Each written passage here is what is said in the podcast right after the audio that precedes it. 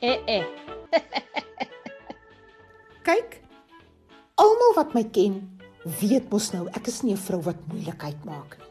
Ek is 'n vredelewende mens wat maklik vergewe. Maar partykeer moet jy sê tot hier toe en nie verder nie. Nee genade, wat te erg is, is te erg. Nou ek is maar nog altyd effens bekommerd dat klein Kobus nie vir prefek gekies sal word nie. Hy's mos nie 'n sportkind nie.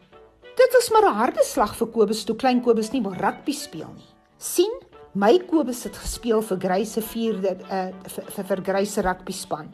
So ek kon sien hy's effe afgehaal, maar toe sê ek hy moet vir klein Kobus sê hy sal speel en toe sê Kobus nee vrou, hy sal sy eie pad vind. Nou ja, dit het hy wel gedoen. 'n Fyn gesnaarde kind die klein Kobus van my. Terwyl die ander seuns op die sportvelde is en agter die meisiekinders aanhardloop, skryf klein Kobus gedigte. Indoen redenaars. O, en hy kan tog so mooi teken. Maar ek was bekommerd hy hom so eenkant en ek het hom nog altyd aangemoedig om tog bietjie deel van die groep te wees. Want wie gaan nou vir hom stem as hy hom so eenkant hou? Nietemin, gister bel die skool se sekretaresse en sy vra of ek en Kobus asseblief twee skool toe kan kom vir 'n vergadering met die hoof. Dis oor klein Kobus. Ek raak toe skoon opgewonde, want hulle wil natuurlik weet of dit ons goedkeuring sal wegdra as klein Kobus se prefek word. Want jy weet, die prefekte of wat noem hulle dit nou deesdae? Die leerlingraad. Hulle het baie ekstra pligte. Maar ek weet ons sal hom ondersteun met elke funksie waar hy moet wees. Gerald laai my toe so kwart voor 2 af by die skool En 10 voor 2 kom Kobus daaraan van die werk af en hy lyk effens bekommerd. Ek sê vir wat lyk jy so af? Hulle wil vir klein Kobus kies vir 'n prefek. Kobus sê ons sal maar sien. 2 uur laat die hoof ons inkom en ons sit. Hy sê: "Meneer en mevrou Geldenhuys, Kobus was nog altyd 'n baie voorbeeldige student en die onderwysers het nog nooit oor hom gekla nie." Ek dink, ja, dis beter as prefek, dis hoofseun. En toe sê meneer Vlok: Maar vandag is dit vir my baie moeilik om in te lig dat ons Kobus tydelik moet skors.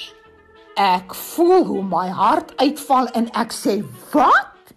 Vir wat?" Meneer Vlok sê hulle het 'n groep seuns gevang rook agter die paviljoene en Kobus was deel van die groep. Ek sê dis onmoontlik, dit moet 'n fout wees. Klein Kobus is fyn gesnaar. Hy skryf gedigte. Hy teken. Sy twee katjies se name is Sher en Barbara. Hy sal nooit 'n sigaret in sy mond sit nie. Meneer Vlok sê: "Mevrou, dit was nie 'n sigaret nie. Dit was 'n daggazol." En toe word dit swart voor my. Toe ek bykom, sit die skoolsuster langs my op die vloer met so 'n stinkstukkie watta onder my neus. En die sekretaresse hou 'n glas water na my toe uit.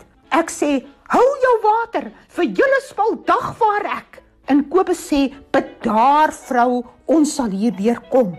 By die huis sê ek vir Kobus: "Ons gaan die kinders homeschool. Daar's geen toesig of dissipline by die skool nie." Kobus sê: "Hoe wil jy hulle homeschool? Jy het net standaard 8." Ek sê: "Dis nie nodig om dit voor my kop te gooi nie. Mense het nie matriek nodig om 'n goeie vrou te wees nie. Anyway, ons kan 'n private tutor hier." Kobus sê: "'n Private tutor?" Ek betaal al klaar vir 'n sjofeur omdat jy nie kan bestuur nie en 'n huishulp wat jy 'n home executive noem. Vergeet dit. Die kinders gaan skool. Nou klein Kobus is darm gelukkig net vir 'n week geskort. En drie van die ander vier ook. Maar dis klein Gert Leroux, ou skelm klipbroer se jongste telg wat die goed daaraan gebring het. Hy is vir altyd geskort. Goed so. Ek wys jou net van 'n diamantsmokkelaars vir 'n pa na 'n dwelmsmokkelaar. Maar nou moet ons anders se arme kinders die prys betaal. O, die skande. Ek sal nooit weer iemand in die oë kan kyk nie. En Kobus sê ons kan nie die skool en vrou Klipleroe dagvaar nie. O, genade. Katrina! Katrina! Wat draai jy so met my bietjie wyn? Hæ?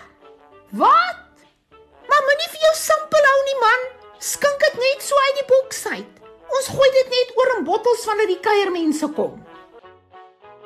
Ooh, eh eh.